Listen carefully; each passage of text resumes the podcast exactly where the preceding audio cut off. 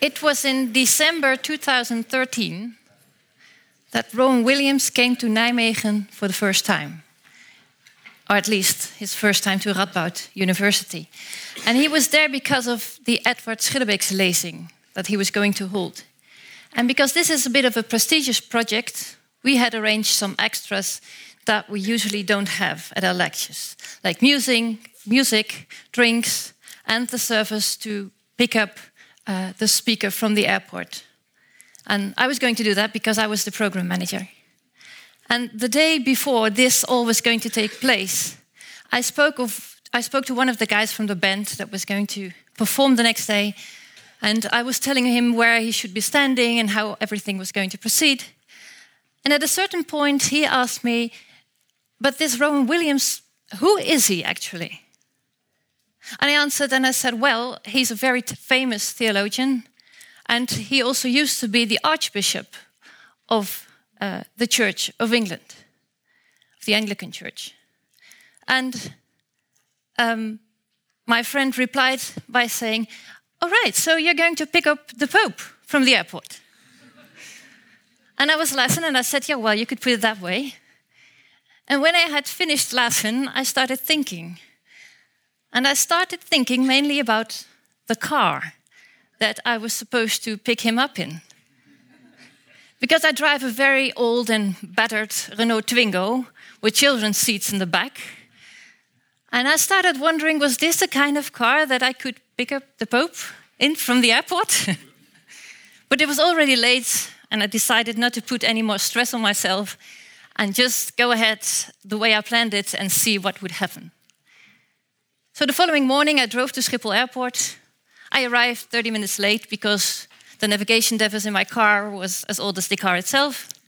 But fortunately, Professor Williams's plane also had a delay. So we arrived at the same time. We met.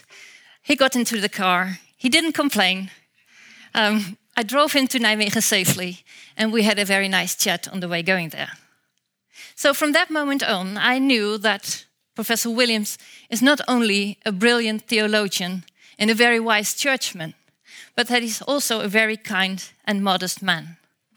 So you will understand that I am very, very pleased, very delighted that he is here again tonight, that he was able to accept the invitation of the Faculty of Philosophy, Theology, and Religion Studies in cooperation with the Royal Dutch Academy of Sciences and Radboud Reflects. And he will speak to you in a minute about the failure of mass democracy. And I'm sure that from the moment he enters the floor, everything will speak for itself. So I'm going to shortly introduce to you the moderators of tonight Joshua Van and Ellen van Wolde, both theologians from our Radboud University. And they are going to interview him from their own expertise and from everything that happens during the evening. Um, my name is Lisbeth Jansen. I am a program manager at Radboud Reflect. I wish you all a wonderful evening, but before I give the floor to Professor Williams, I'm going to read you a poem. And not just any poem, but maybe not all of you know that Rowan Williams is a very meritorious poet as well. So I thought I'd pick three poems from his work and recite them to you in the course of the evening. And I will start with Please close this door quietly.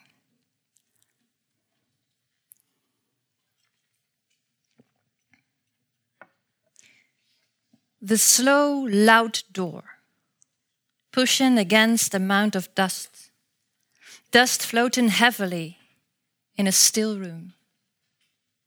Step slowly, stones can deceive. The ground looks firm, but the dust makes you blink and feel for purchase. This is marshland. Difficult light to sting eyes, terrain whose spring and tangle hides deep gaps called pools, old workings. Careful. Too much left here of unseen lumber dropped, knowingly or not, behind the door to trip you while you rub awkwardly at naked eyes, open on thick, still, damp, scented air. Imprinted, used and recycled, not clearing up. Catching the weather of memory. Underfoot, lost tracks wind round an ankle, and abandoned diggings, wells, mines, foundations wait for your foot to find them, drop you into the unexpected chill, the snatched breath and swift seeing. The birds flap at the edge of your eyes world, things left but alive, a space shared, a stone yielding. Professor Williams, the floor is yours.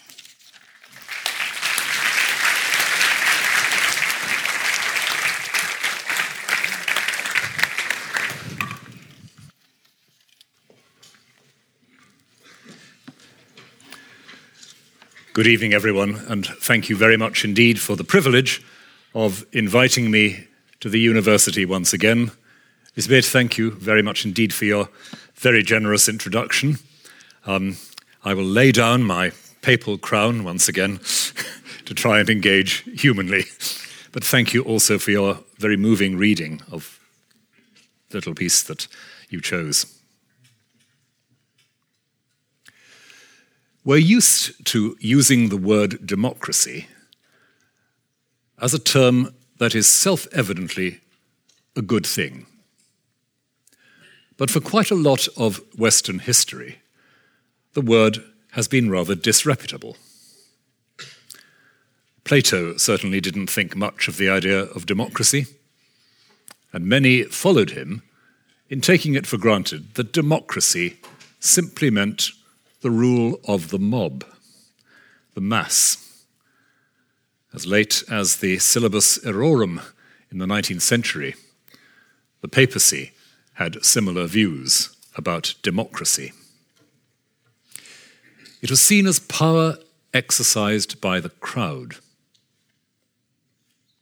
So, how is it that a word with such a disreputable background has come to represent for many of us in the world today the ultimate ideal for social justice and equity. I'd want to argue that the modern respectability of the word has quite a lot to do with what democracy is not. It's not autocracy. It's not oligarchy. It's not dictatorship, and so on. In other words, it's not a system in which one person or a small group of persons exercises unaccountable authority over others. It's presented, in these terms, as what happens when illicit or illegitimate forms of political power disappear. The narrative that we like to tell is the narrative of the Enlightenment. Once upon a time, political authority was top down, irresponsible, arbitrary, and frequently religious, worse still. But when rationality began to dawn on the European mind, somewhere around 1730, then something else happened. Then people understood that true legitimacy comes from popular support. Take away autocracy, dictatorship, and so forth, and what happens is democracy. Now, in the last couple of decades, we've seen how that doctrine has demonstrated its long life and resilience. Western powers have advanced where angels fear to tread in the Middle East on the assumption that when you take away tyranny, democracy happens. Simply to mention Iraq or Libya ought to remind us that the cultural history we're talking about is perhaps just a little bit more complicated than that. But the assumption persists that political legitimacy, a lawful, defensible political system, requires popular legitimation. It requires a popular mandate. Legitimate political authority is not a transcendent given coming from above, nor is it the pragmatic rule of the wealthy and the already powerful. Democracy exists as a legitimate form of government, an ideally legitimate form of government, because it is the result of a critique of transcendent, non accountable, top down power. And so it appears to mesh very well and very closely with a broadly secular or secularizing trend. If you take away transcendent legitimation from political power, what you're left with, surely, is the argument of rational citizens. Without appeal to principles or dictates that are not drawn from public popular discernment. And so, in spite of the somewhat checkered adventures of democracy in places like Iraq and Libya, we continue to suppose that the essence of legitimate political order is popular mandate, that popular mandate equals democracy, and that this is an appropriate vehicle for a secularized culture.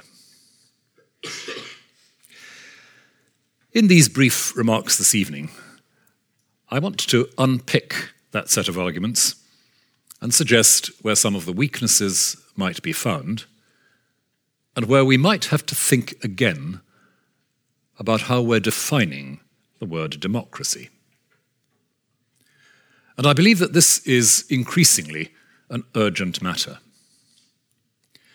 You won't need me to remind you, and certainly in the light of the results of the German election, you won't need me to remind you, especially today, that the rise of populism across Europe and on the other side of the Atlantic has posed a stark question to the idea of democracy itself, partly because of the implicit and explicit claim that populism is itself a legitimate democratic solution.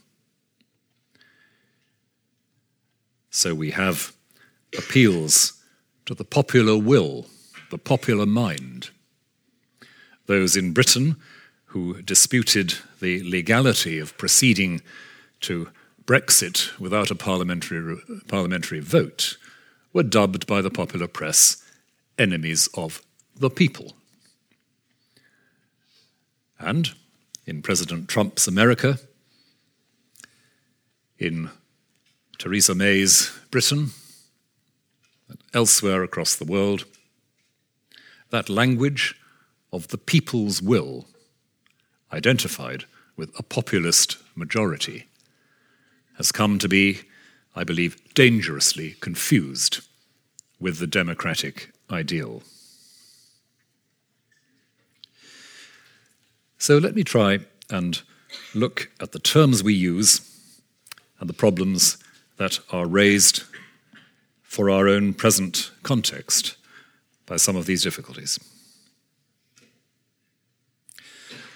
To go back to Plato again, Plato's argument in The Republic about the foundations of politics begins with the question of why it is that justice is not to be identified with what the powerful decide.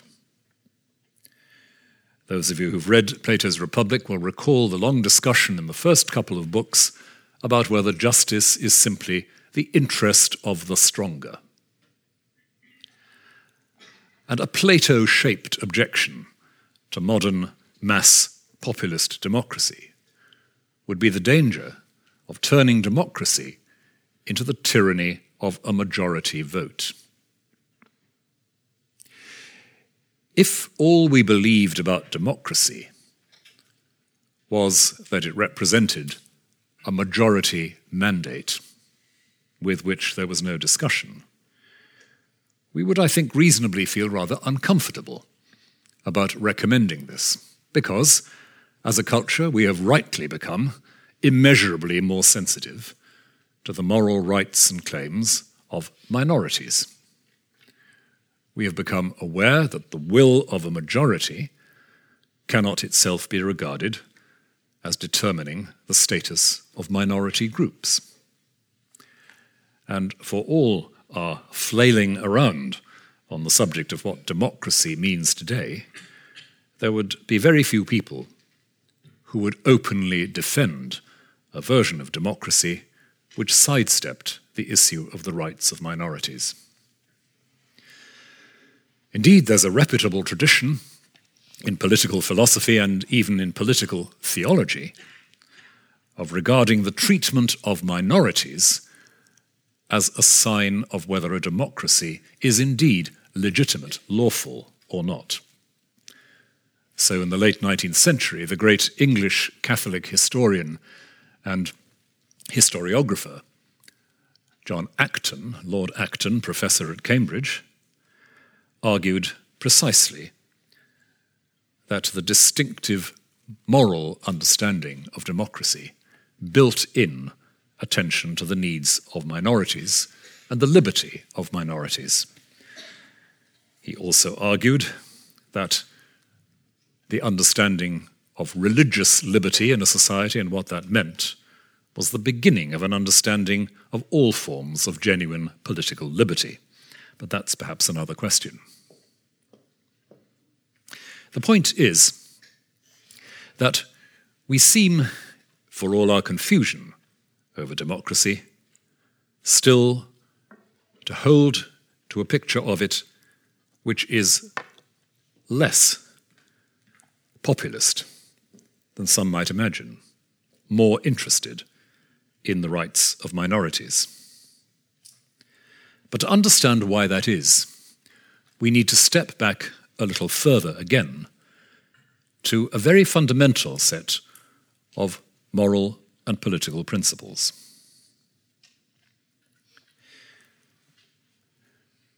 If a majority in a state has the right to determine law, as all democracies assume, what that means is not that the majority has a right to end discussion and discernment in society.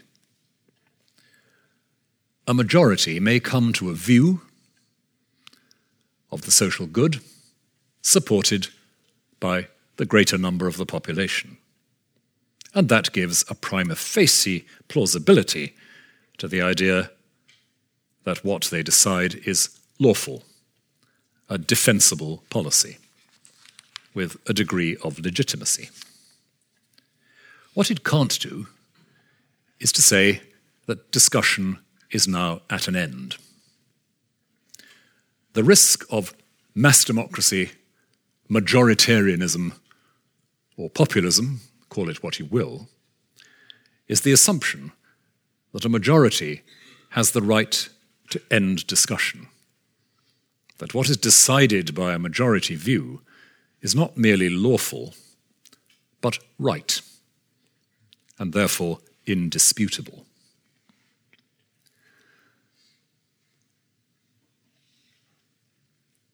This is a notion which I think we may rightly query. If justice is not the rule of the stronger, then majorities don't determine what is right. What they determine may have a claim on the respect, even the obedience of the population if enacted into law. But that doesn't end the argument.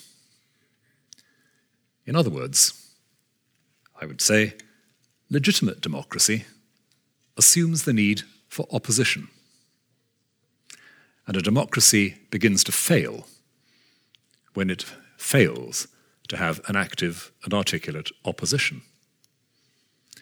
And by opposition, I don't mean simply an opposing party in the legislature. I mean a civil society in which individuals and communities are able to raise difficult, difficult questions for government, in which such bodies and such individuals are able to say, we accept that this is lawful. We don't necessarily accept that it is right or true. And we reserve the right to argue about this. And if such individuals and communities are allowed the right to argue, the right of the minority to speak from its identity and its conviction needs to be secured in a proper working democracy so that the rule of law, which grants access to the same processes to every citizen, becomes part of how we understand the democratic ideal. So, a democracy that has some claim to be moral is one which builds into its processes not simply mass opinion, majority voting, but a complex, a family of legal safeguards for diversity, of conviction, of identity, of argument. If not every political question is to be settled by power, by the contest about power, then argument and persuasion have to be built into democracy. And what I've sometimes called the ideal of an argumentative democracy is, I would say, the opposite of democracy as mass voting, mass opinion, majority tyranny.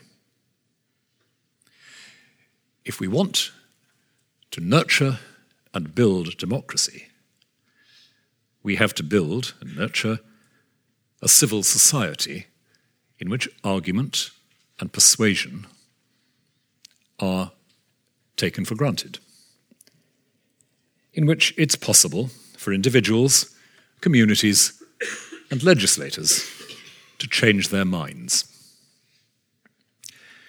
Which is why, of course, no election in a moral democracy is the last election. There are forms of democracy which seem to assume that the ideal situation would be that final vote, that plebiscite, which once and for all established what was from then on always going to be the case. Germany in 1933 is a case in point, where in effect the democratic institutions of a nation voted themselves out of existence, assuming that this was the last election because mass opinion had now established once and for all not simply what was lawful, but what was right. Mass opinion had established what could not now be disagreed with. It was the result of a long process in which popular violence had been ignored or colluded with, in which the institutions of civil society, trade unions, churches, universities had been undermined, in which the voice of the people had been taken as a single abstract block of opinion which could establish once and for all what would prevail. I don't believe, in spite of some bad moments, that we are simply on the edge of a resurgent fascism in Europe or the United States. And I think it's a bit melodramatic to speak in those terms. But equally, I think it's important that we recognize that we do stand at a point of crisis in our understanding of democracy, where our failure to think through some of these issues, our failure to think through the significance of the rule of law and the rights of minorities, will bring us to a new kind of political crisis whose contours we can't yet see, but which could have in the long term as severe an effect on political health as did fascism. So, what I'm calling argumentative democracy assumes first that it is proper to go on arguing, second, that persuasion is possible in public as in private, third, that major issues of public policy and public morality can be clarified by reasoning, by debate. In the last few decades, a number of issues which ought to be characterized by this kind of discernment have increasingly been either ignored or tacitly placed outside the realm of what can be discussed.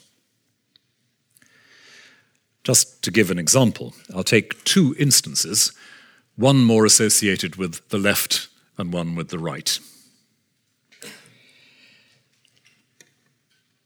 There are still major moral issues debated around abortion.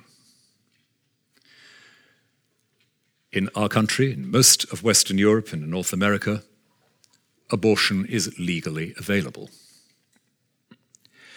Its legal avail- availability has not in itself stopped public debate. And in our jurisdiction, at least in the United Kingdom, conscientious reservation on the part of some is recognized. No one may be compelled to perform an abortion. There's a recognition, in other words, that a minority has a right to be heard in debate and its conviction protected. But there is a trend towards the view that no one who holds certain views on abortion really ought to be active within the medical profession or indeed in public life. What do we make of that? Are we assuming that a majority judgment on the lawfulness of abortion, and I'm not discussing the details of the ethics of the question at the moment, are we assuming that a majority view has become unarguable and that disagreement with it is a barrier, in a sense, to participation in public life? There's a question, a methodological question, that I think needs to be talked about there, wherever you stand on the ethical question itself.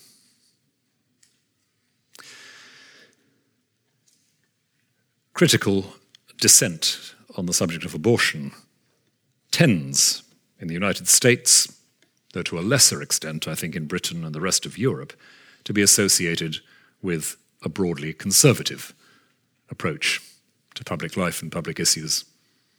But let me take another issue where principled dissent is more associated with the left, and that is nuclear armaments.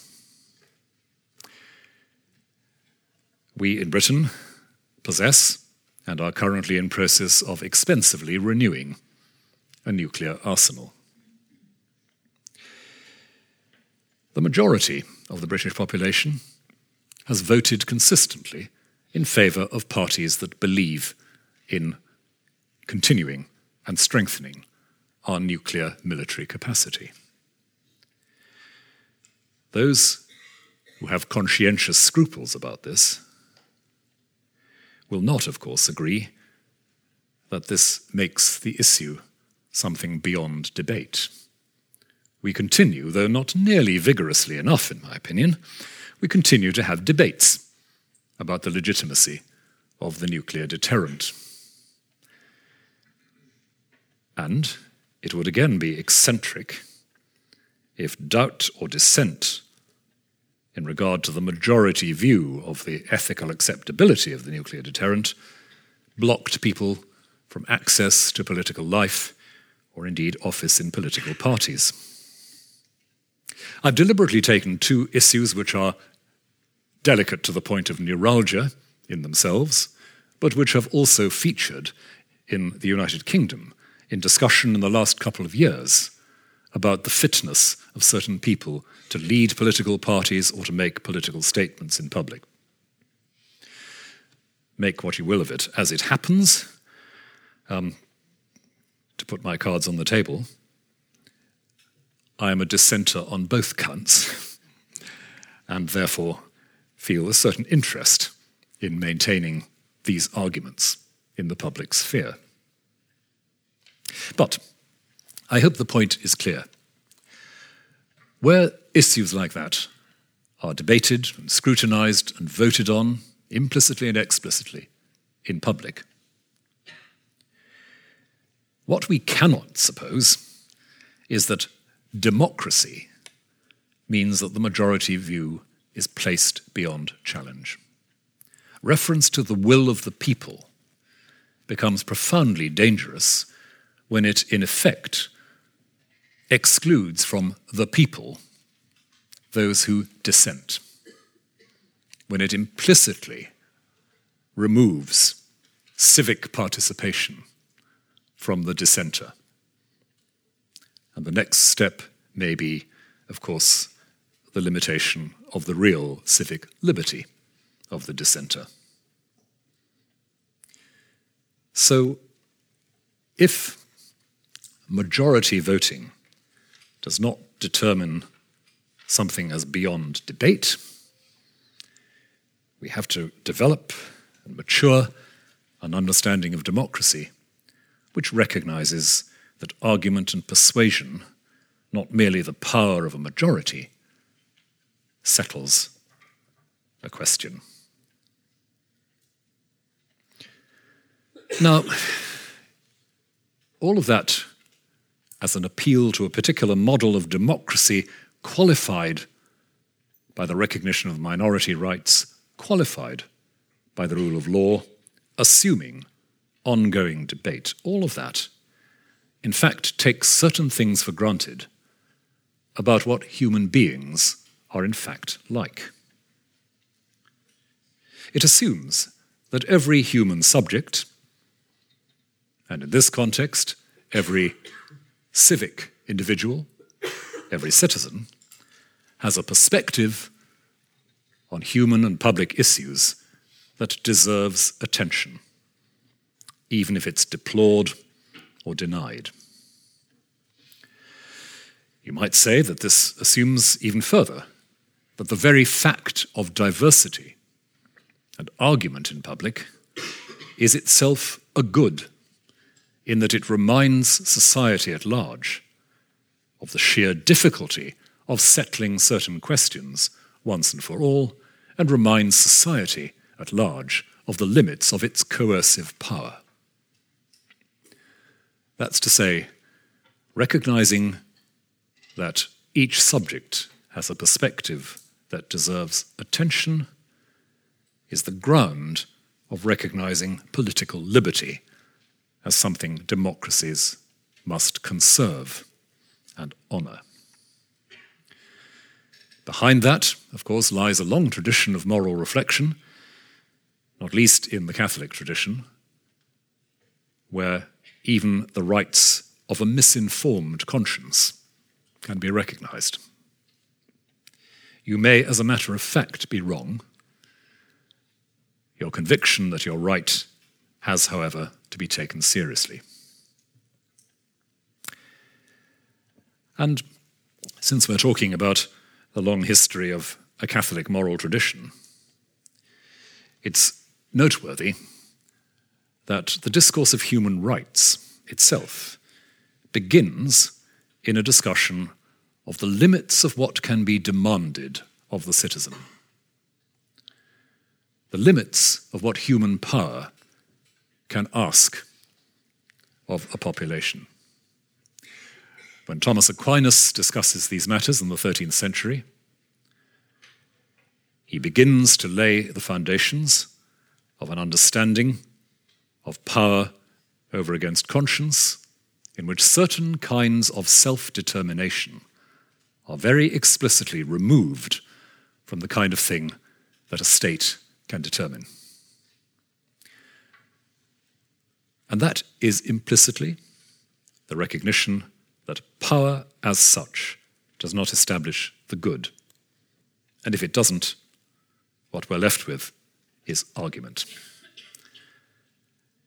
The argument of what we hope and trust will be an articulate and imaginative population, educated to the point where they can express conviction but also respond intelligently to the conviction of others. As soon as political power claims to declare in its own strength a final conclusion to any moral debate, it has become something other than political. The political, bound in with continuing argument, continuing discernment, and the management of irreducible diversity, the political, has to remain at that level of limited certainty and limited control. Without that reservation, we are indeed left not only with majoritarian tyranny, but with a deeply disturbing underlying moral notion that power establishes good. And so here we come to a paradox about democracy and pluralism and diversity. If we want a diverse, plural, articulate, argumentative society, as opposed to a dull theocracy or any other kind of tyranny, you'll actually need quite a few people in it who have absolutist convictions. A good, modern, plural, secular democracy needs some bigots to make it work, to put it rather, uh, perhaps over epigrammatically. That is, it needs to have a number of people around who don't believe that power settles questions, who believe that it's possible to argue about convictions, and who are willing to resist over ambitious attempts by the state to establish itself as a reality that has the right to determine human choices without exception. So, people believing in an absolute morality of some kind are a necessary irritant in secular plural democracy. They're vital to a good political ecology. But when they are themselves tempted to claim political authority for themselves, then they are caught in the same trap as a would be majoritarian tyrant. That's to say, it may be the case that a society, broadly speaking, retains its majority view on a moral issue. It's just about true in the United Kingdom at the moment that the majority does not support physician assisted dying. And for traditionally minded Christians, that's something of a relief. But what the traditionally minded Christian can't do is to say, this cannot and must not change, whatever the majority position is. It's vulnerable to debate and discussion. Many people are persuaded to move to change their convictions on this. And what we've seen in the United Kingdom in the last 10 years is a steady move away from what was once a quite strong majority consensus to something much weaker. The religious community, the community of conviction in this context, cannot suddenly play a trump card. Trump card is a phrase one ought not to use these days, I, I suspect. Can't suddenly play a trump card and say, well, we know we are absolutely right on this, therefore we cannot permit a popular vote and we shall resist it to the death. It's rather that this phase of the argument has been lost And we now have to think what the next phase of the argument is and what kinds of security there are for the rights of conscience. So the political and the moral stroke religious community have to develop a careful mutual respect, a willingness not to be transformed into the other.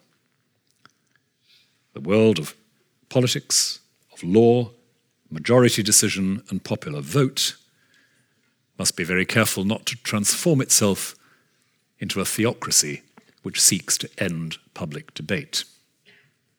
But the voices of informed conscience and moral discernment in communities of conviction must be equally cautious not to turn themselves into political managements, seeking in their own way to silence debate. And the sheer difficulty of managing that is the difficulty of healthy democracy, I would argue.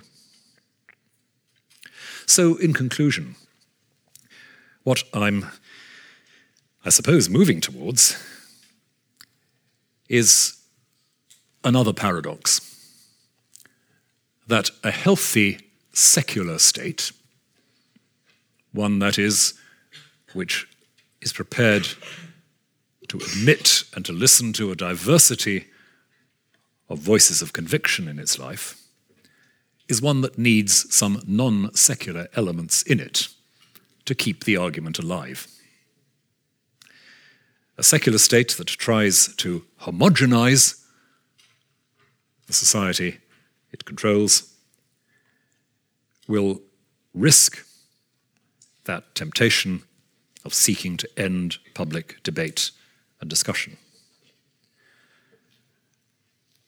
And the contribution of theology, of religious conviction, and complex moral argument in a secular democracy, the contribution of all these things is to remind the state of its signal importance, not as the source of moral wisdom, but as the source of legal security. Legal security for citizens whose voices are worth listening to. To believe that human voices are worth listening to is itself, of course, an act of faith. Most human beings, for most human history, have not assumed that most other human beings are worth listening to. And there are obvious reasons for that. But again, a paradox precisely those religious traditions which are sometimes most awkward in public debate are those which most firmly assert the worthwhileness of any and every human perspective. And without a universalism of respect and dignity, the entire argument for democracy of any kind falls to the ground. So, what I've been trying to argue this evening is that we should be very careful about any assumption that there's an easy equation of democracy and majoritarian voting. That we should distinguish carefully between what democratic process makes lawful and any idea that it's that democratic process can make right or true. That we should assume that in a properly active, lively, argumentative democracy, strong and even absolutist convictions are not an embarrassment, but a benefit for the social order in reminding the state of its limits and provoking continuing debate and the effort at persuasion. We need, I think, something like a theological anthropology, a doctrine of the human, to make sense of democracy at that level of complexity. Which is why Christianity has quite a strong investment in the independence of the secular state, in some of the distinctions I've been trying to draw. It has the freedom and the obligation to enter into public discussion on the basis of its own conviction. It has the responsibility not to try and enforce its conviction, and the responsibility to listen carefully and intelligently to the arguments that unfold in society. But if we're not to sink down into the dangerous swamp of a mass democracy where people can speak of enemies of the popular will, then we need some such reserve in which we allow that there is a dimension of the human itself not to be managed or manipulated by human power. And whether you are a religious believer or not, that belief in the untouched area, the area where power cannot and should not reach, is our safest defense against going back to the arguments at the beginning of the Republic and the proposals of Thrasymachus that justice is only the interest of the powerful. I believe that in our current climate, we need a far more developed and intense discussion in public of what we mean by democracy if we're to avoid that deeply problematic and menacing conclusion about power and truth. Thank you very much.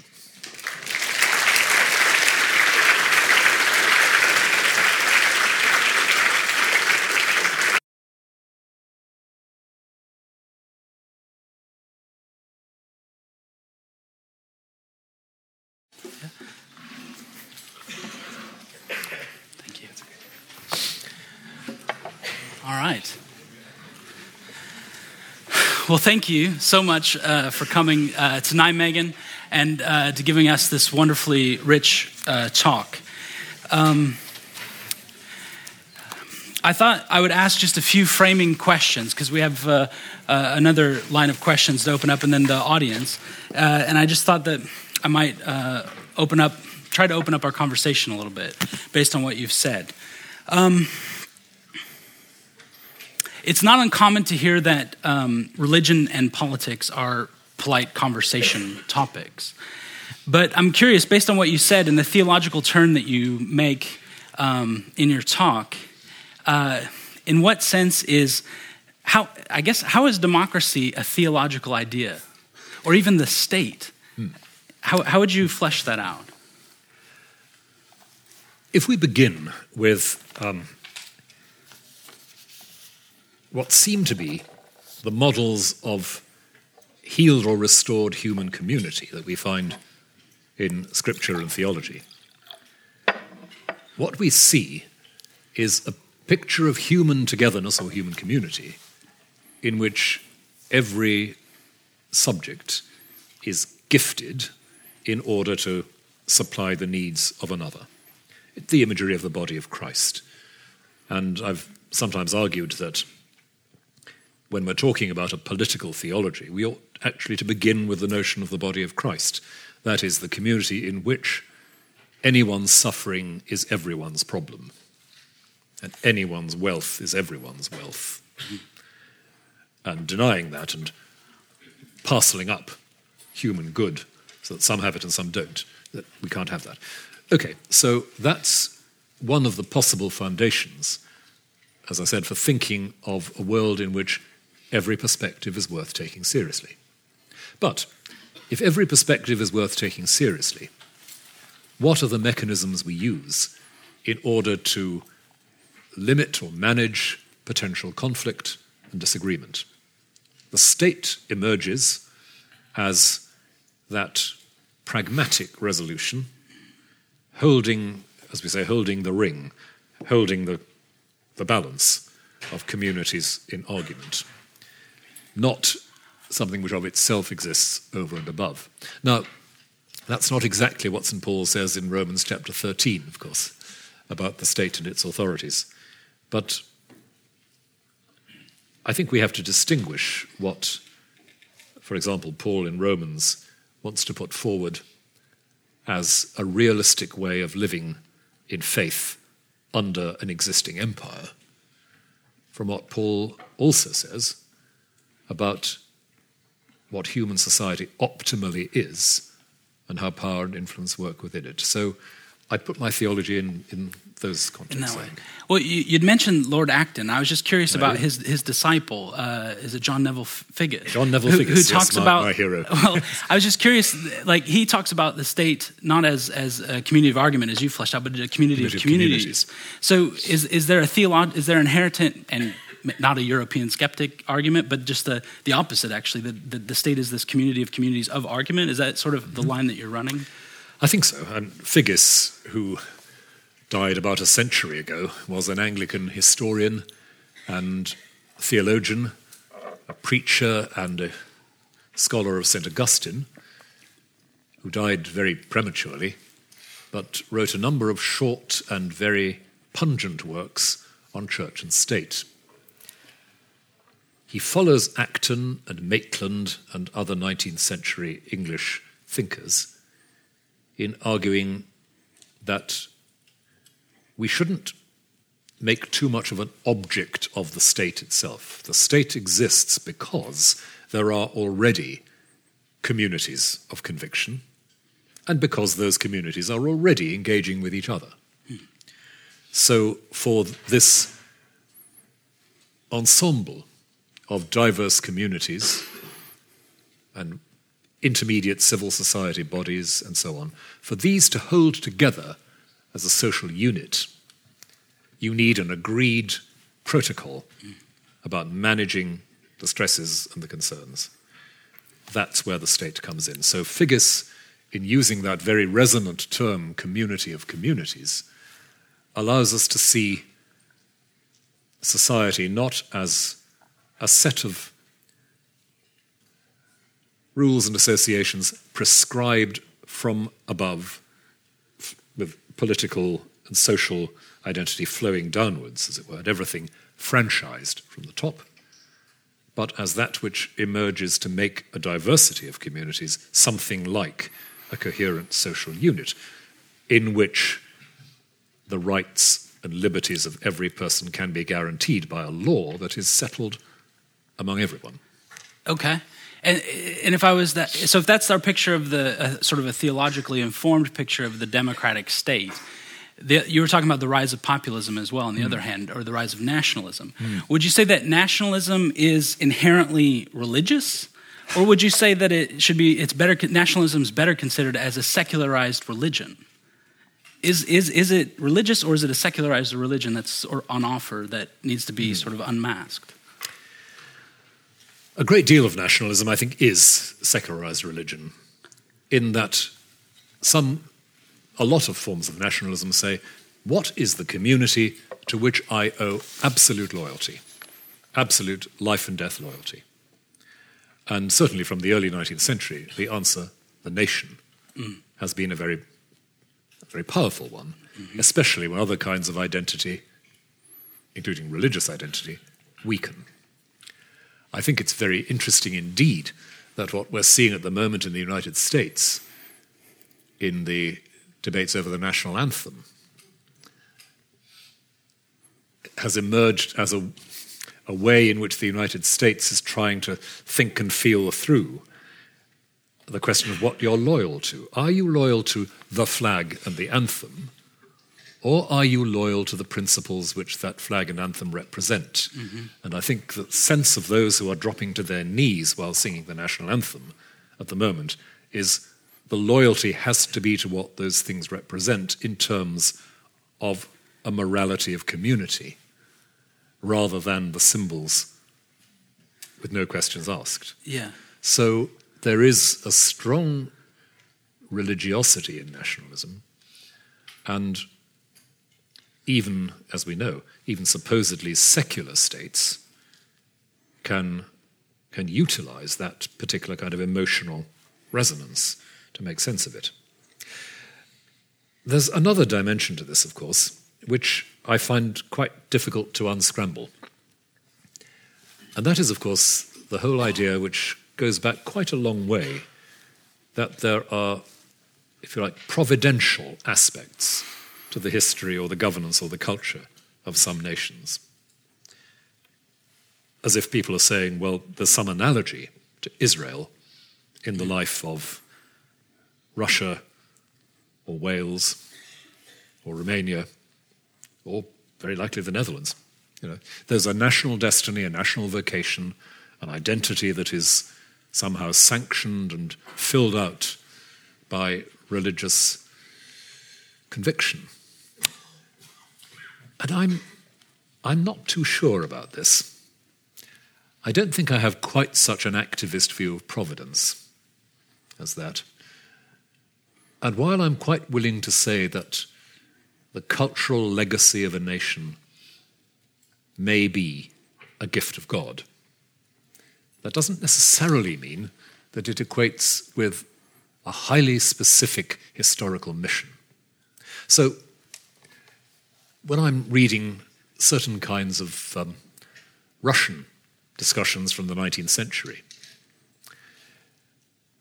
I can see the slippage between two rather different things.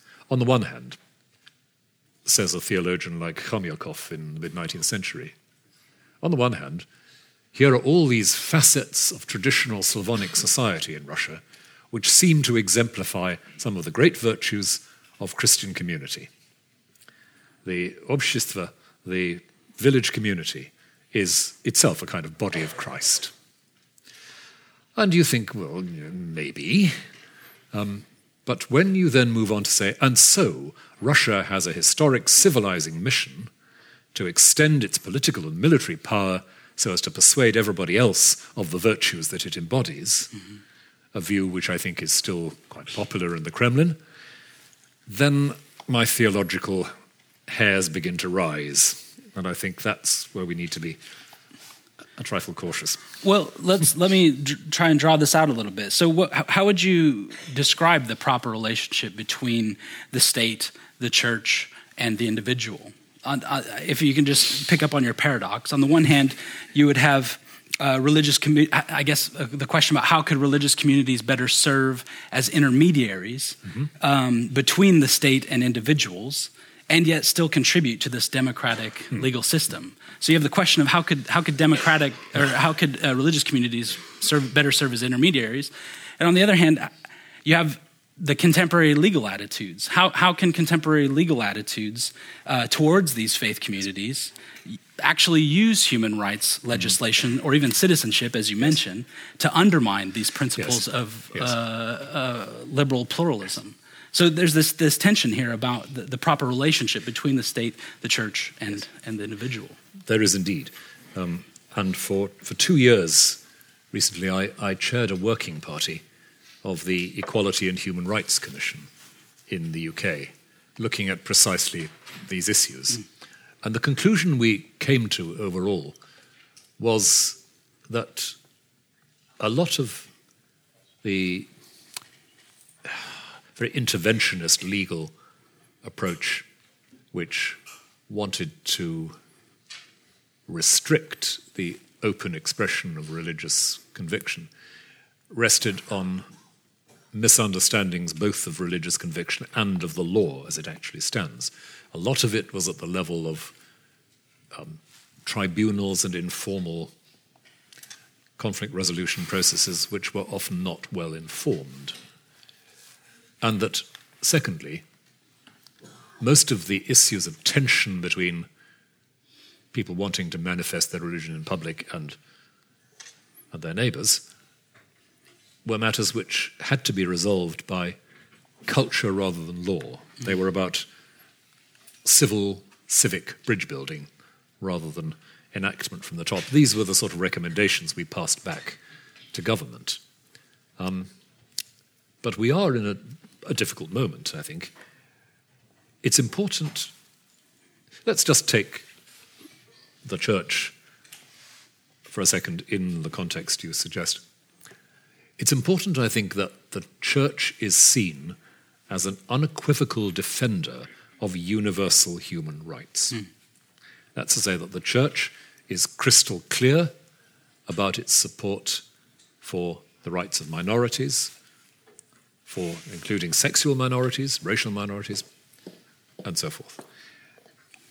Recognizing that that support for universal human right and dignity doesn't in itself solve some of the difficult questions around those. Yeah. um, recognitions. One of the problems, I think, in the last couple of decades has been that religious communities have sometimes been seen as standing in the way of that universalism in order to preserve their own territory. Mm-hmm. I think if the churches were clearer on the need to affirm universal legal protection, universal human dignity, even at the cost of their own control mechanisms, mm-hmm. that would be no bad thing and might do something for the credibility of the church in plural societies. And to, you said that, that that would have to do not with power, but with argument. Yes. And this would be an argument that, that's animated with a sense of the absolute that's not representative, but what? But it's theological. There's a theological thing that sort of presents that prevents us from sort of making ultimate or absolute our own particular point of view. How, how, do, how, do you, how do you work that out? A community of faith is a community which it's possible to leave. You can argue within it, you can disagree with it, mm. you can affiliate, you can disaffiliate. Mm. Um, it's the nature of freedom of faith. It's important to recognize that, I think. Um, therefore, the attempt to rule out dissent by law is a denial of something very fundamental about the nature of faith, the nature of humanity itself. So I see no problem with a religious community of perfectly absolutist conviction saying we don't have to shore this up with the support of the law because it's not that kind of conviction, it's mm-hmm. not that kind of power we seek.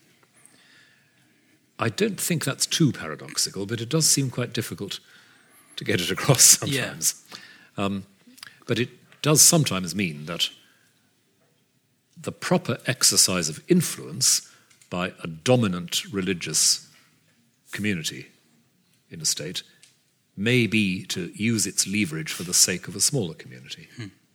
So if, let's say, in Bulgaria, to take an example of which I know very little, if in Bulgaria the Orthodox Church used its massive political and social influence in order to protect the liberties of Jehovah's Witnesses, I would say that it's doing its job. But I'm not holding my breath. Yeah. Yes. Well, I, am just going to ask one more quick question. And um, how would you say studying theology and religion could provide the resources for this better analysis mm. and investment in local civic activism?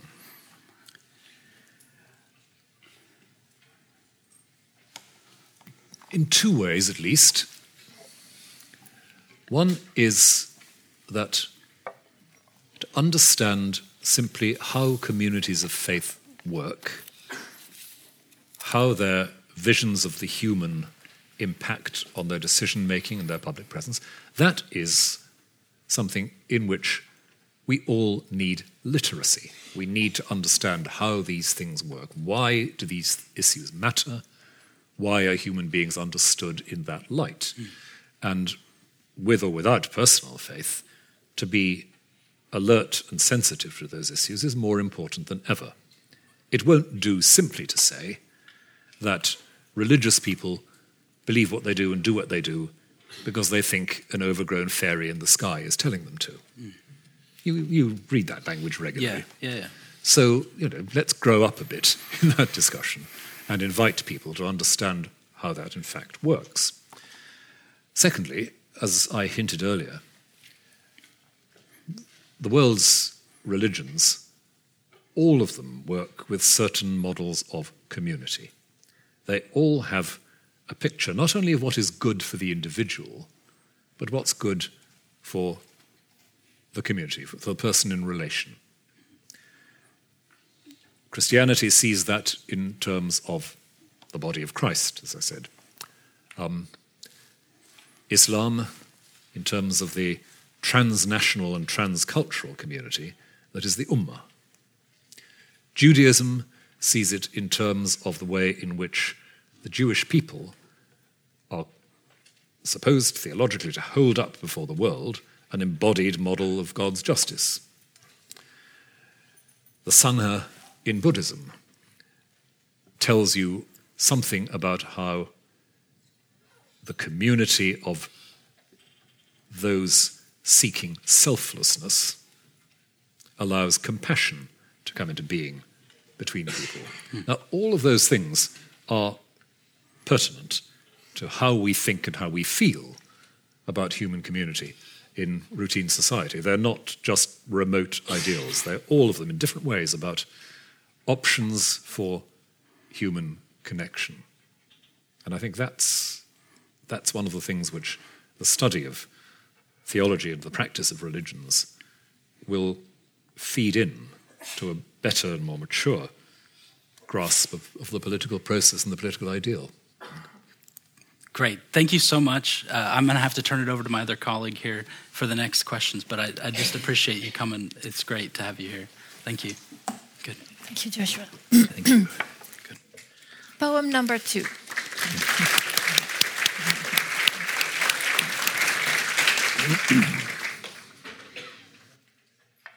Gethsemane. Who said that trees grow easily compared with us? What if the bright bare load that pushes down on them insisted that they spread and bowed and plated back on themselves and cracked and hunched? Light dropping like a palm, leveling the ground backwards and forwards. Across the valley are the other witnesses of two millennia the broad stones packed by the hand of God, bristling with little messages to fill the cracks. As the light falls and flattened was grows on these hills, the fault lines dart and spread. There is room to say something, quick and tight. Into the tree's clefts, then, do we push our folded words, thick as thumbs? Somewhere inside the ancient bark, a voice has been before us, pushed the densest word of all, Abba, and left it, to be collected by whoever happens to be passing, bent down the same way by the hot, unreadable bombs. Ellen, it's your turn. Professor Williams, thank you so much for your thought provoking lecture. And I have a couple of questions, some just for clarification's sake, some more critical. The, just to start with, the title you said, The Failure of Democracy. And if I understand you correctly, I have heard mainly democracy and the power of it but less of the failure. Could you tell me a little bit more about it? I think the title was The Failure of Mass Democracy, Yeah. understood as um, that cast of mind which sees democracy simply as the popular will or the rule of the majority. I think that the rise of populism, including nationalism, in recent years has shown us that that model cannot deliver security for a plural society, for the minorities that exist in society. And that's, that's why I want to talk about failure.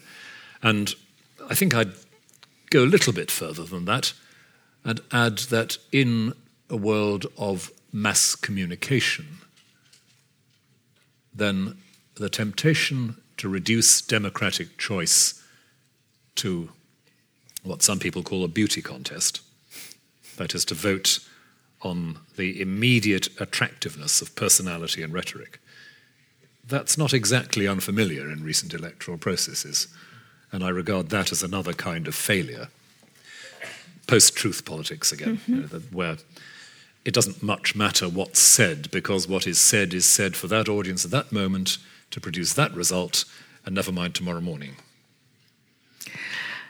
you hold the plea for uh, a democracy open to discussion, the right to dissent. Mm -hmm. But doesn't that give too much power to those who are able to argue, to have the language, to have they have the education? And I don't know how it is in Britain, but in the Netherlands we see more and more a kind of two groups: hmm. the more educated, hmm. well educated, able to enter this kind of democracy, and the others who don't have. So, isn't this too much of an ideal from the highly educated people? That's exactly the problem, I think, that we've seen in, in recent years. Exactly that divide between people regarded as an articulate elite who control the public discussion and those who feel their voices are not heard. That's why I wanted to emphasize the principle of attention to every perspective. And if that's going to be a reality in an actively democratic society, then we have a lot of questions to ask about our basic educational tools and policies and whether we are actually educating people for the exercise of democracy.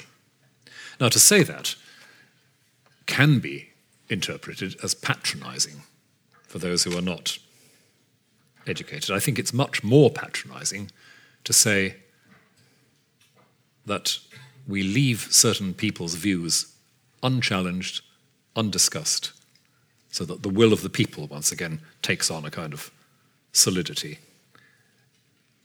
and becomes something beyond criticism. So I, I want to push that question towards a whole set of issues around popular education and education for citizenship, which in the UK is not, not brilliantly done, I think. Um, hmm. So there is a danger, and I think when you have something like the, the Brexit vote in Britain, you have a painful revelation of just how far the two discussions have gone from each other. Yeah. And you realize how much most of us live in an echo chamber, as they say. My son, who was a student at the time of the referendum, said, of course, that he had never met anybody who was in favour of Brexit. Well, of course he hadn't. He was a student in a humanities subject at an active provincial university, and you know, people don't last five minutes if they don't have properly liberal views there. so, you know, th- there is a real challenge. But, but isn't it also the problem of too much rationality? Many people don't vote rational purely. It's it's also kind of sentiment of belonging. Yes, yes. And how do you cope with that?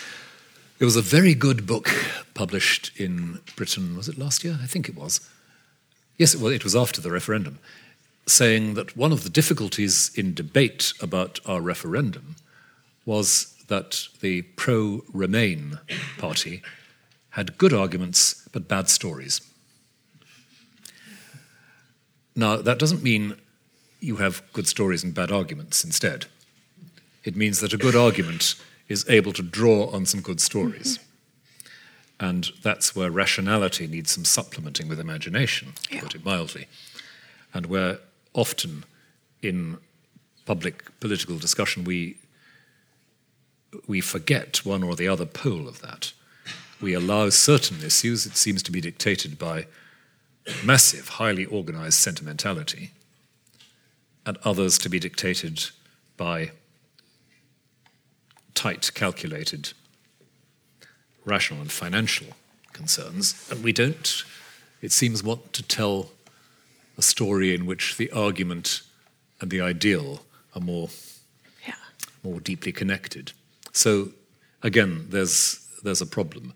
And I think in the debate about Britain and Europe, what we heard from those in favour of remaining in Europe was largely don't vote against Europe because it'll be terrible if we do, rather than saying, well, actually, we've had 40 years of cultural, economic, social communion, which has been immensely enriching for us.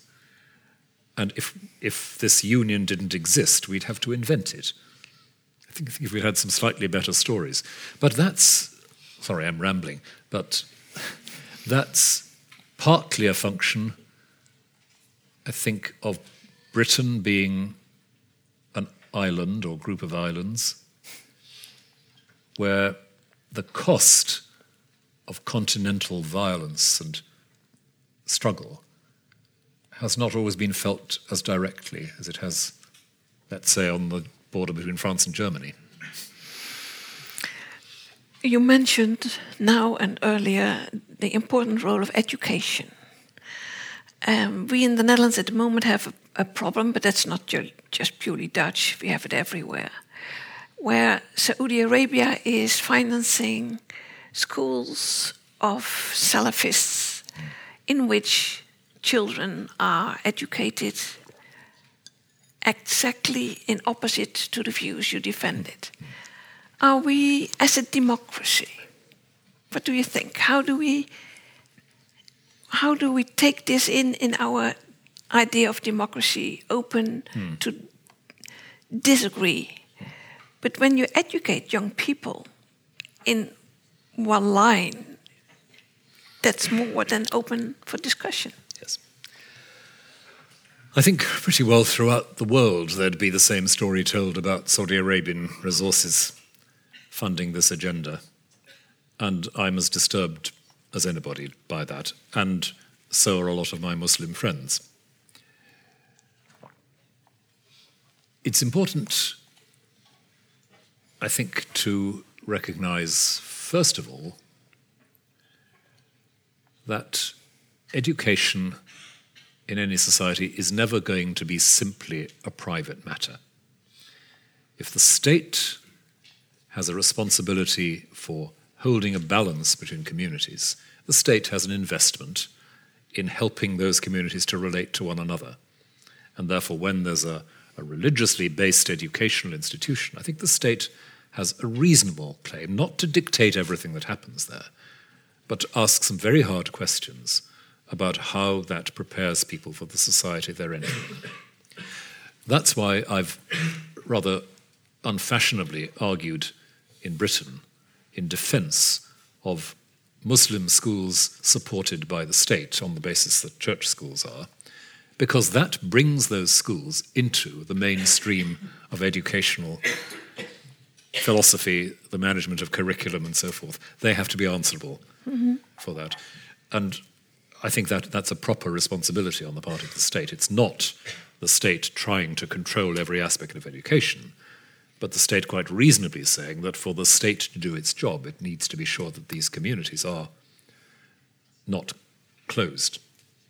But we're up against a, a potent, highly organized agenda, which, because of the somewhat insane politics of the West in the Middle East, is not likely to change anytime soon. And I think it's one of the elephants in several rooms. Saudi Arabia. But, yeah, you know. yeah. So yesterday, elephant in the White House for a start. elephant, just to mention one. uh, yesterday, the election in, in Germany. Uh, there, you see for the first time right wings, Alternative for Deutschland. Yeah. How do you cope with this kind of popularism? To really enter in dialogue with them. I, I mm. agree. I think not to just to put them in an, in an angle and say you are stupid because they're not. May I invite you to give your first reaction? Well, it, it is it is difficult because quite often you, you are up against um, a highly emotive set of convictions, not easily amenable to rational discussion. This is where again the question of good stories comes in. Yeah. And the only the only good thing that happens when I'm showing my political colours. The only good thing that happens when a far right party gets a foothold in the national legislature is that they then have to argue in a different way. They can't simply repeat the slogans that have got them where they are. In order to sustain a position in that legislature, they have to find another rhetoric, and others have to find a rhetoric of dealing with them. And sometimes, as in Britain, that has the effect in the middle term of actually reducing their influence and their popular appeal. We saw a peak of electoral support for the United Kingdom Independence Party a couple of years ago, which has definitely disappeared for a number of reasons, not least Brexit itself, but also the perception that the members of that party lost credibility within the legislature itself. But then again, a new right wing party is founded with the same kind of promises. That's right. And this, this is, I think, an ongoing struggle in which we, we who don't share those views have continually to look for the narratives that will steer people away from xenophobic scapegoating conclusions. And it's, it's a long task. And we think at certain points in political history and in certain countries in Europe, we've got beyond it. And I'm fascinated by the development of Scandinavian politics in the last 10 years, where what many of us have regarded as the deep virtues of Scandinavian politics, a strong communitarian feeling, and all that goes with it, a strong welfare base, a powerful sense of mutual commitment, how all those things have made it extremely difficult for Scandinavian societies to cope with migrants from radically different cultures. And you have the rise of the far right in, in, in Denmark and Sweden, in places which, when I was younger, you know, we all thought were kind of beacons of unalloyed, lasting liberal sanity. so, yes, it, it doesn't go away. No. Just one final question. You were positive on the church and Christianity's contributions to human rights. I agree in some sense, but not in all. Hmm. For example, the exclusion of half of humanity, mm -hmm. meaning women, then of the arrest of men, the homosexuality, the homosexuals, uh, then the colored people in the past. So you have only the defense of a very small group in the end. so I always think we have to be very modest in these senses. As Christians sharing a kind of Christian history, it's not just human rights. It certainly isn't. But my reason for underlining it, I think, is that both Christians and secularists can forget the intellectual foundation laid in something like Aquinas' arguments about the limits of the state's power. The image I've sometimes used is that in many aspects of Christian theology, a long fuse is lit at some point. The, the fire is applied, and the flame fizzles along very, very, very, very slowly. And sometimes the trade, train leads right outside the church and explodes somewhere else. I think that issues around the rights of women can be seen in part, partly in that light. And then the church has the real challenge of recognizing that as connected with its own deepest convictions rather than a threat from outside. And the church is notoriously not very good at that, because the church is particularly prone to what we sometimes call the um, not invented here syndrome. If something good is happening somewhere else, it's not ours, so it can't be good. We, uh, we struggle with that, don't we? But equally, I don't want to be.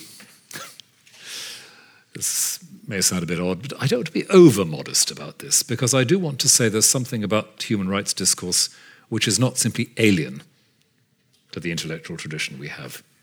I agree. There, yep. there is a profound element of Christian scripture, of early and medieval teaching, which does affirm the limits of the right of the state, the dignity of the individual, and while we have misunderstood it and ignored it consistently, it's not another language from the one we speak. And I, I want us to be clear about that, at least. Okay. Thank you very much. Thank you.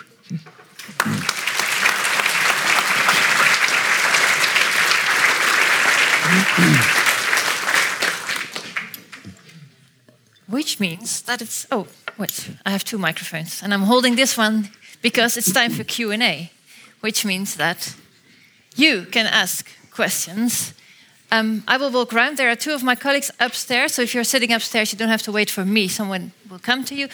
Please speak into the microphone. Um, yes, the gentleman over there. I think you can hear me. No, no, please wait for the microphone. And there's somebody in the front here as well.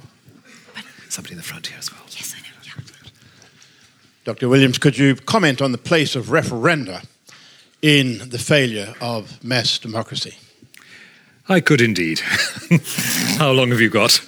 Um,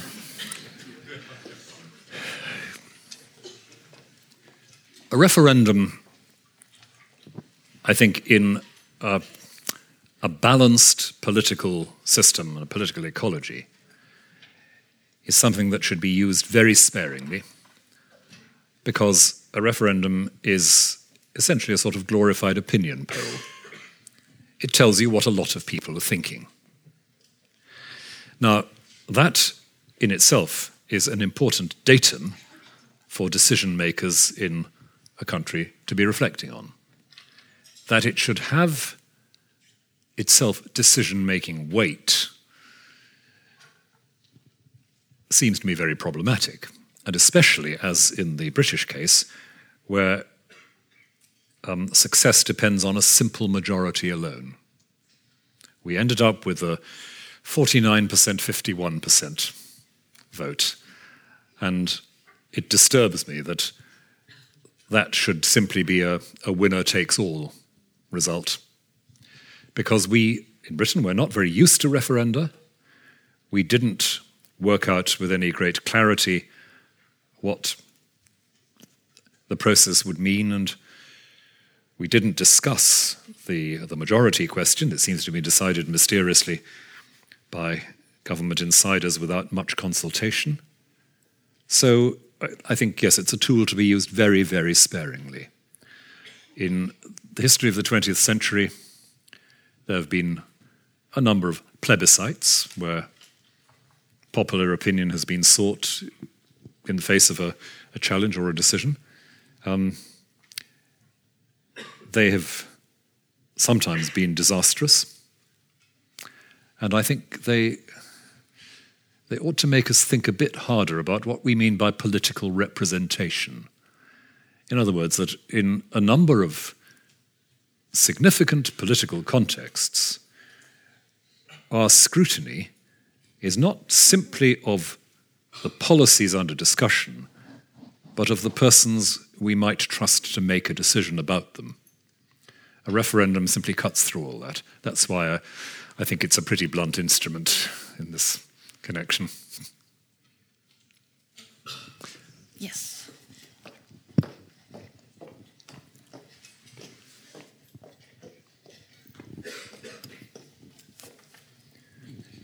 Yeah, um, I have uh, two short questions. Uh, the first is uh, related to the paradox, the first paradox you've been mentioning.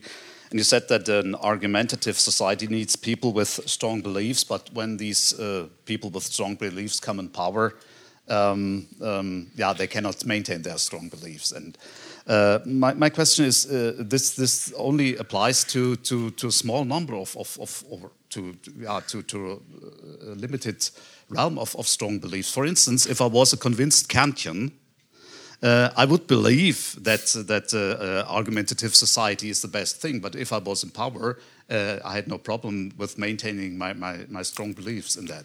And the second uh, is re related to that because um, I wonder uh, why you make so quickly the move from from these strong beliefs in in the strong belief that the everyone has the right to be heard um, to to re religious convictions because because I think as a convinced Kantian I would also have this this strong belief that every voice has to be heard. Mm -hmm. I'm certainly very happy to include convinced Kantians among communities of faith in a society, but it's, it's a very fair question. Um, on the first one. Um, I think what I was trying to clarify, obviously not wholly successfully was that on a, on a range of topics, public debate needs strong conviction. That I have a strong conviction doesn't mean, therefore, that I will be fighting simply for the right to control others, but I will defend the right of my view to be heard and respected.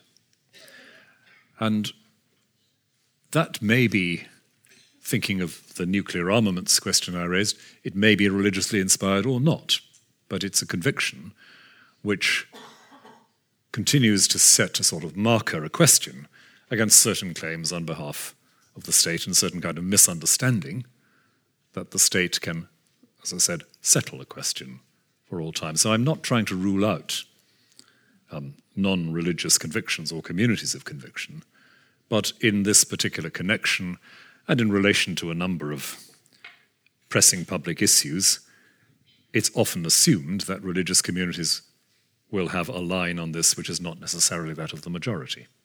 So um, I'm, I'm all for a Kantian approach to that and a Kantian presence in that. Um, but my main points, I think, were that, uh, in this respect, were that the absolutist, the person of powerful and even inflexible conviction, simply is a significant partner in a discussion that won't easily be resolved in society. They're needed in the ecology, as I put it, of the, the public argument. But for that, they also have to accept that they have no prescriptive, prescriptive right themselves to close the discussion down.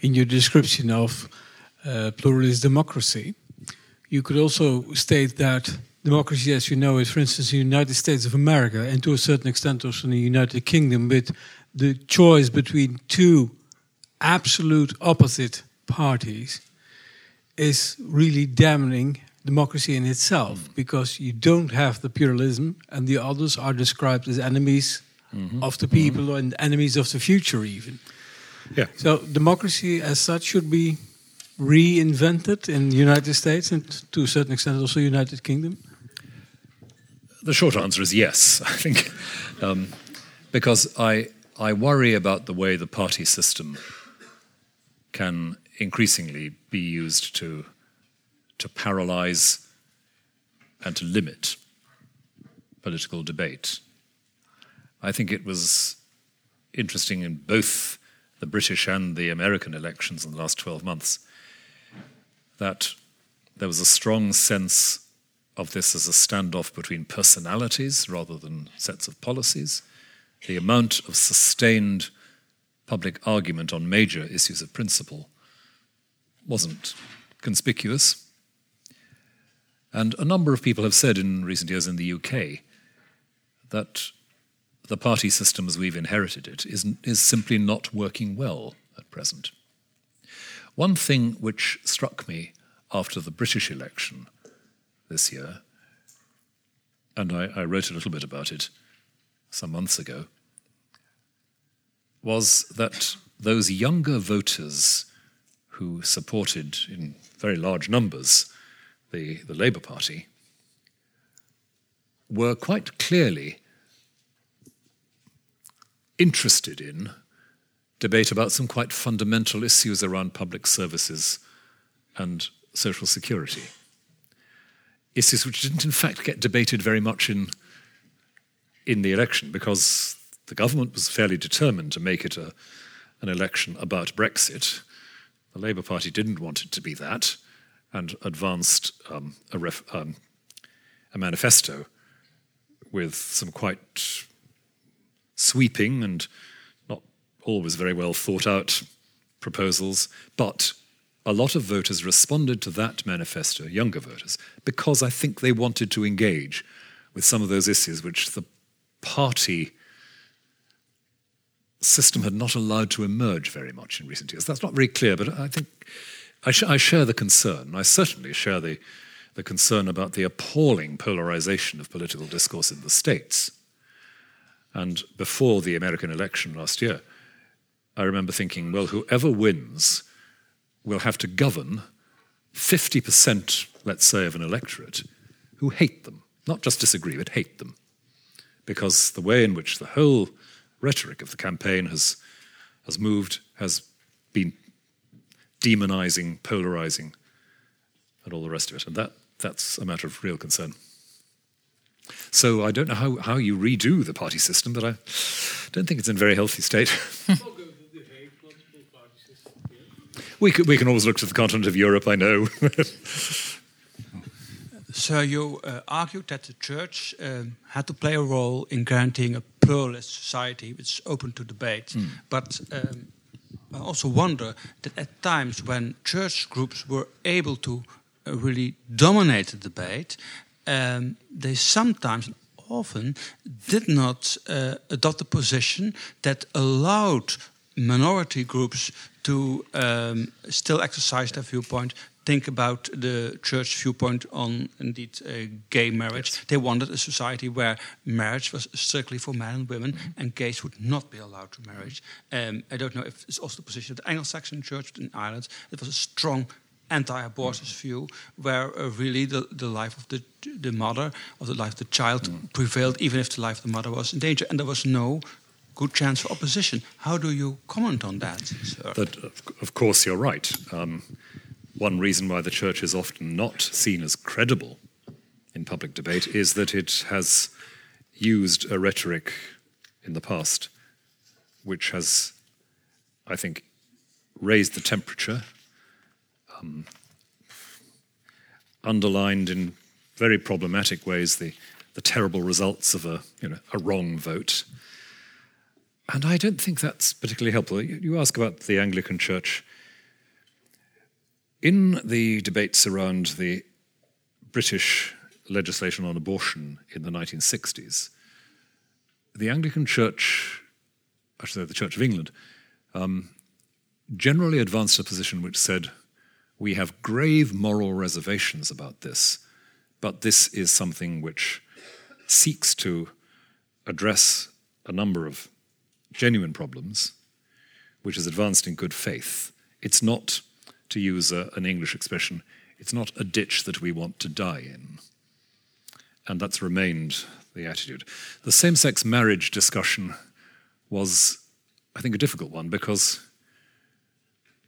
having eventually, rather slowly, come round as a church in England to a more affirmative approach to civil partnership between people of the same sex, we were rather suddenly faced with what seemed to be a stepping up of the, the pressure on same sex marriage, and some people who were entirely happy with full legal status for civil partners wanted to say, but marriage isn't the right category for this.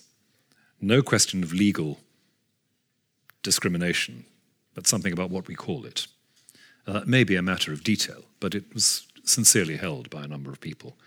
I think we've now, in the Church of England, reached the point where again we say, well, this is the law of the land. We now have to find how we live with it, and it'll take a while. But of course, you're right. There, there are many profoundly embarrassing and unhelpful moments, to put it mildly, in the church's history, and we do ourselves no favors if we pretend otherwise than that we've sometimes sought to do exactly that closing down of a debate, which I've been deploring. But I, I want to say that that should not prevent either church or society, exploring how that relationship might be better constructed and better managed, assuming that the church, in spite of appearances, has something to put into this debate. We have time for one last question and a short answer. Um, Sorry. Some, somebody up there? Is there a lady? No. There's a lady. okay, sorry, I didn't no. see you. Very good. uh, thank you, Professor Williams, for your talk. I have a question about propaganda and its role in modern democracy. How do you think is it justified? And uh, yeah, if it's not, why? The role of propaganda. I would associate it with what I said a little earlier about the risk of a culture where cosmetic messaging, that is, presenting an image with a short term purpose, how that takes over a lot of political debate. I think we've seen in the States and elsewhere how a propagandistic tone affects both public political debate in the sense of events, political events and rallies, but also how it creeps into some areas of the media. Both in the States and in the UK, there are quite substantial sections of the media which are quite clearly organs of a particular political agenda. And I would want media outlets to reflect internally a bit more pluralism and less of the propagandist spirit. Because propaganda seeks for a very short and short term response. Serious political debate and discernment just takes longer. And so, again, it's a matter of, back to an earlier question, trying to find the good argument and the good story together and not letting one substitute for the other. Thank you for answering our questions. It's time for the last poem, which Professor Williams has written on the icon by the painter Andrei Rublev, and it's also called Rublev. One day, God walked in, pale from the grey steppe, slid eyed against the wind, and stopped said, Color me, breathe your blood into my mouth. I said, Here is the blood of all our people. These are their bruises, blue and purple, gold, brown, and pale green wash of death. These, God, are the chromatic pains of flesh. I said, I trust I make you blush. Oh, I shall stain you with the scars of birth forever. I shall root you in the wood. Under the sun shall bake you bread of beech mast. Never let you forth to the wide desert, to the starving sand. But we shall sit and speak around one table, share one food, one earth. I want to thank you all very much for coming here, for sharing your questions with us, but especially, of course, I want to thank Professor Rowan Williams for his lecture, Joshua Furnal and Ellen van Wolde for moderating the discussion.